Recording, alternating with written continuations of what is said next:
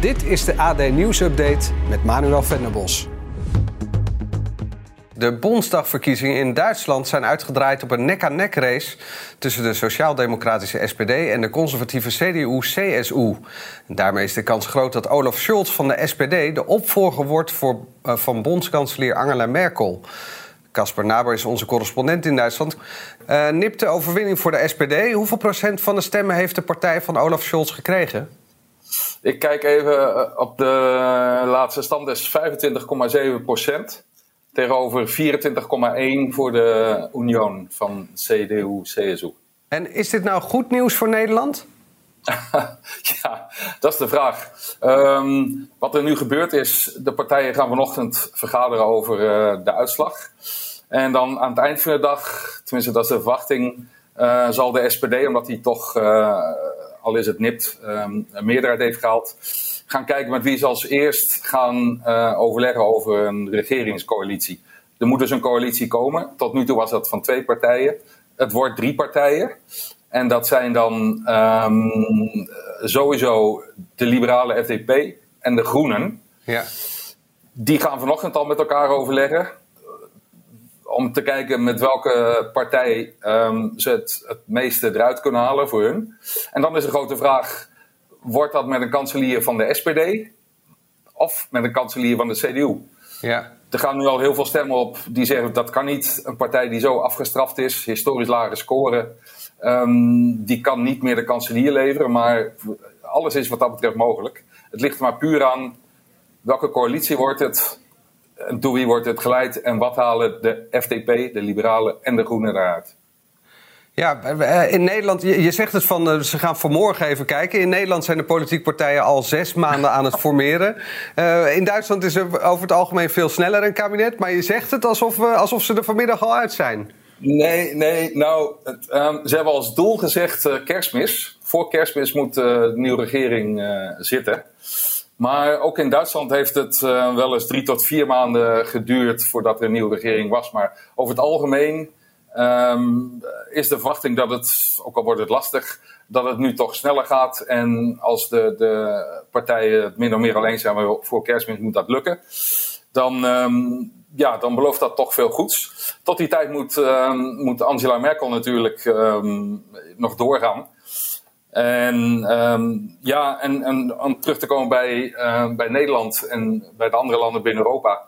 Die coalitie kan ook niet te lang uh, op zich laten wachten. Want um, het is niet alleen natuurlijk voor Duitsland belangrijk. Er moet een hoop gebeuren. Het land moet gemoderniseerd worden. Er moet veel orde op zaken worden gesteld. Maar ook voor, voor Europa en de, de verhouding met bijvoorbeeld uh, de Verenigde Staten is het belangrijk.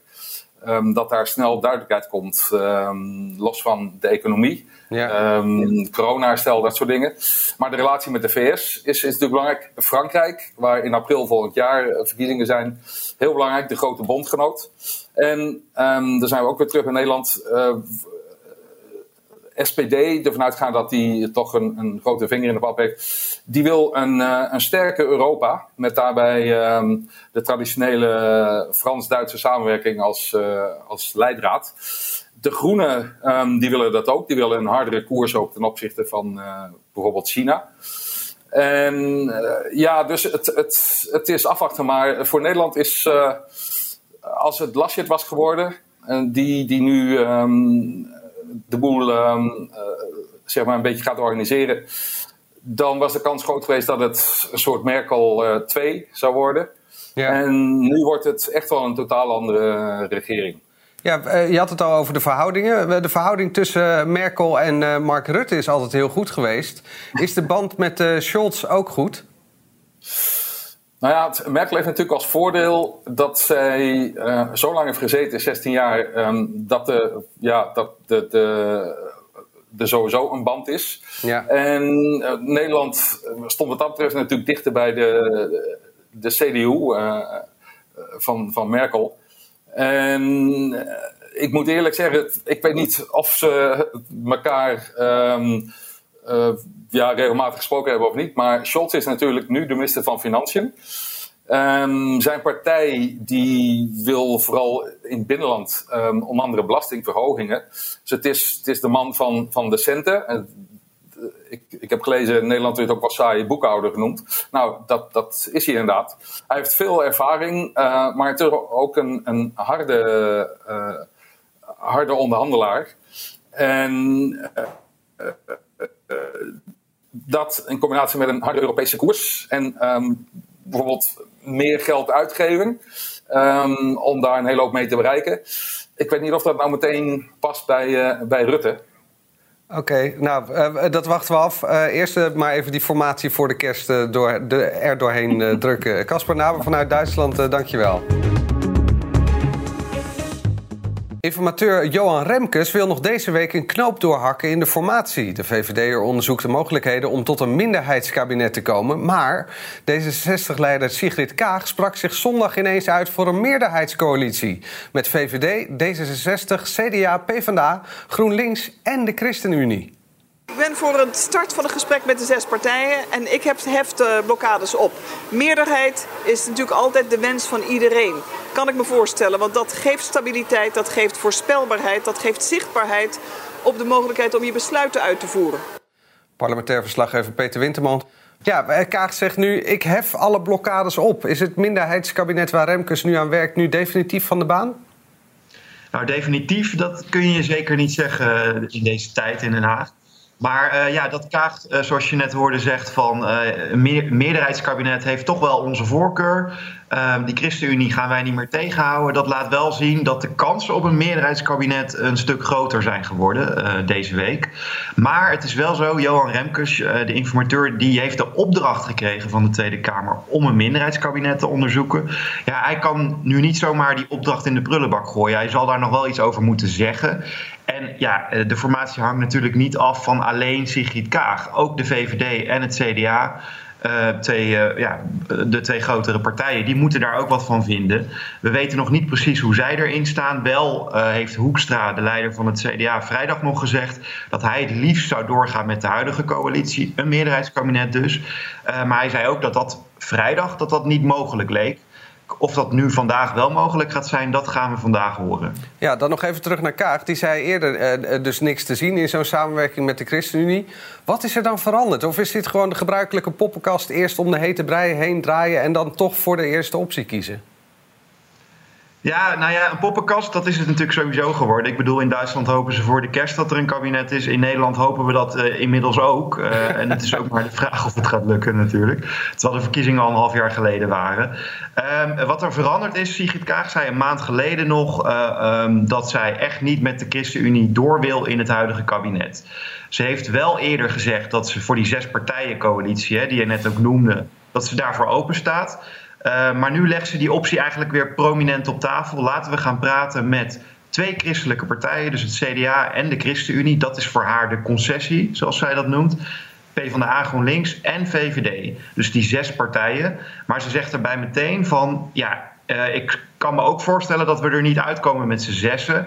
En dan zijn alle variaties mogelijk, waarmee ze er eigenlijk op doelt dat er ook een doorstart van dit kabinet, het demissionaire kabinet, VVD, D66, CDA en ChristenUnie, dat dat mogelijk is. Kijk, en dat is, de, dat is dus veranderd. Hè? Dat wilden ze de laatste weken absoluut niet. Nu, na de afgelopen week met de APB, de Algemene Politieke Beschouwingen, werd toch wel duidelijk dat het heel veel moeite en ook heel veel geld kost om een meerderheid te krijgen hè, voor de begroting van volgend jaar. En eigenlijk hebben ze gezien met al die 19 fracties nu in de Tweede Kamer, het is eigenlijk geen doen om met een minderheidskabinet uh, steeds op zoek te moeten naar meerderheden. Het, het, land is dan heel moeilijk bestuurbaar. Ja, ja. dus toch een meerderheidskabinet. Dat is wat ze nu uh, graag wil. Uh, dan was er nog vuurwerk bij het CDA. Zaterdag is uh, staatssecretaris Mona Keizer op staande voet ontslagen... omdat ze kritiek had op de coronapas. Hoe groot is deze politieke schade van dit ontslag? Nou ja, de, de schade zit hem vooral bij het CDA. Als je kijkt naar de politieke schade, even los van het draagvlak voor, voor de coronaregels. het CDA is weer een bewindspersoon verloren... Uh, een, een, bekend bewindspersoon, hè, Mona Keizer, uh, stond uh, ooit op de nummer 2 voor, voor het CDA.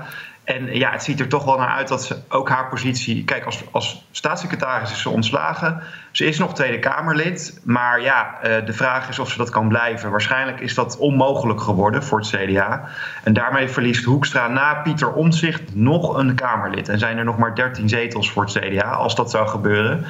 Ja, eh, dat maakt ook zijn rol in de formatie een stuk lastiger. Zijn partij wordt steeds kleiner. Het is een instabiele partij. Terwijl juist Hoekstra iemand is die altijd roept: wij willen niet met twee linkse partijen in een kabinet, want dat zorgt voor een instabiel uh, kabinet. Dus ja. Uh, hij heeft de grootste politieke problemen op dit moment. tot slot over deze formatie. Hoe ziet de agenda van informateur Remkes er vandaag uit? Om uh, half twaalf dan komen uh, Rutte, uh, Kaag en Hoekstra op bezoek bij de informateur. zij moeten dan ja, gaan verder praten over het voorstel ook wat Kaag dus gisteren heeft gedaan in Amsterdam.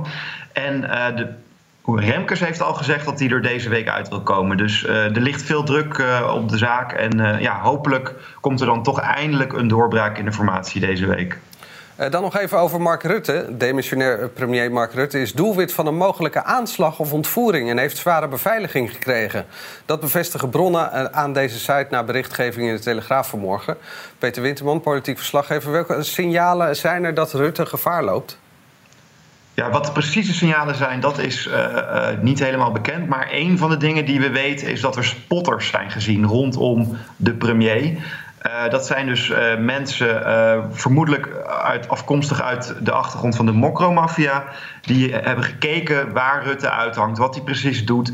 En dat is heel gebruikelijk om, wanneer er een aanslag wordt gepleegd, wordt die vaak voorbereid. In dit geval zou dat ook zijn gebeurd. Bijvoorbeeld bij Peter R. de Vries zagen we zagen ondernemers die daar werkten rond die studio van RTL Boulevard in de weken voorafgaand aan de aanslag uh, ja, verdachte types daar rondlopen. En het vermoeden is ook dat dat spotters zijn geweest. Die zijn dus nu ook gezien rond Rutte. En op basis daarvan is het dreigingsniveau rond uh, de premier dus flink verhoogd. Ja, want de, je hebt dus eerst de spotters en dan daarna komen de hitters, oftewel de, de huurmoordenaars. je zegt er zijn al maatregelen genomen. Betekent dat dat Mark Rutte niet meer op de fiets naar het Binnenhof fietst? Nou, dat weten we niet precies. Ik vermoed van niet, maar zeker weten, ja, dat gaan we dus eigenlijk zien uh, de komende week of dat zo is. De, uh, de maatregelen zouden al gelden sinds begin deze maand. Toen is die dreiging al bekend geworden. Uh, dus voor Rutte betekent dat dat hij zowel meer zichtbare als onzichtbare beveiliging heeft gekregen. Uh, van de DKDB, de dienst die ook uh, veel andere prominenten zoals Geert Wilders uh, beveiligt. Nou is het niet zo dat Rutte helemaal geen beveiliging had natuurlijk. Hè. Als, als premier heb je natuurlijk al een zekere beveiliging, maar die is dus wel flink opgeschroefd. Wat dat precies inhoudt, dat wordt niet verteld. Peter Winterman, dankjewel voor je uitleg. De gemeente Den Haag laat vandaag 200 hackers inbreken in hun computers.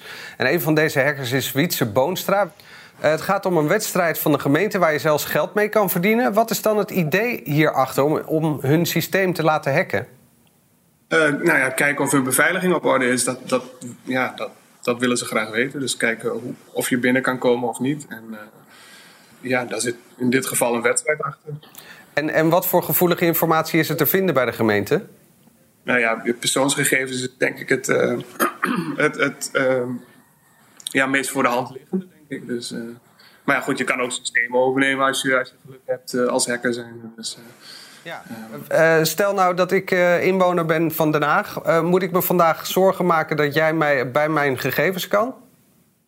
Ik denk dat je daar altijd zorgen over moet maken. Maar ik denk dat je nu het, geluk hebt dat er gewoon 200 uh, white hat hackers bezig zijn. Die, die gaan kijken of je erbij kan. Dus daarmee worden je gegevens weer een stukje veiliger. Ja, want als jij er dus doorheen breekt, dan laat je dat dus zien aan de gemeente. en nou ja, dan heb je dus een gat gevonden en dan gaan ze dat dus dichten en veiliger maken. Ja, ja klopt. En, en ze kunnen daar dan natuurlijk ook meteen monitoring op, op loslaten. Zo van, hey, deze technieken zijn er gebruikt. Uh, ja, uh, dus weer een stapje uh, ja, dichter gezet, zeg maar. Ja, maar hoe kan het nou dat die systemen niet veilig zijn? Dat jij daarbij kan? Ja, het is gemaakt door mensen, dus er worden fouten gemaakt. Dus er wordt wel eens wat vergeten. Of um, ja, gewoon beheersfoutjes. Het is, het is door mensen gemaakt, dus er, er zitten ook fouten in. En uh, tot slot, wat kan een hacker doen met die informatie als hij of zij kwaad wil?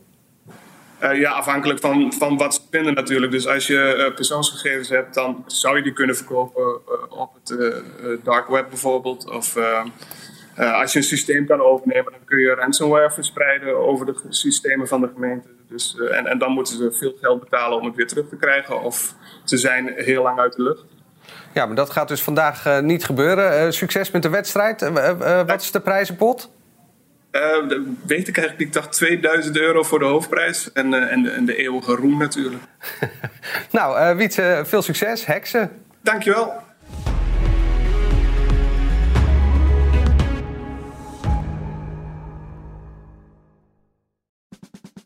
Luister ook naar onze podcast Politiek Dichtbij. In een half uur praten we hierbij over de stand van zaken op het Binnenhof. En niet alleen vanuit de wandelgangen in Den Haag, maar ook vanuit een regionaal perspectief. We zijn te vinden in onze app, op Apple Podcast en op Spotify. En wie zijn wij dan? Wij zijn Leonard Beekman en Tobias den Hartog.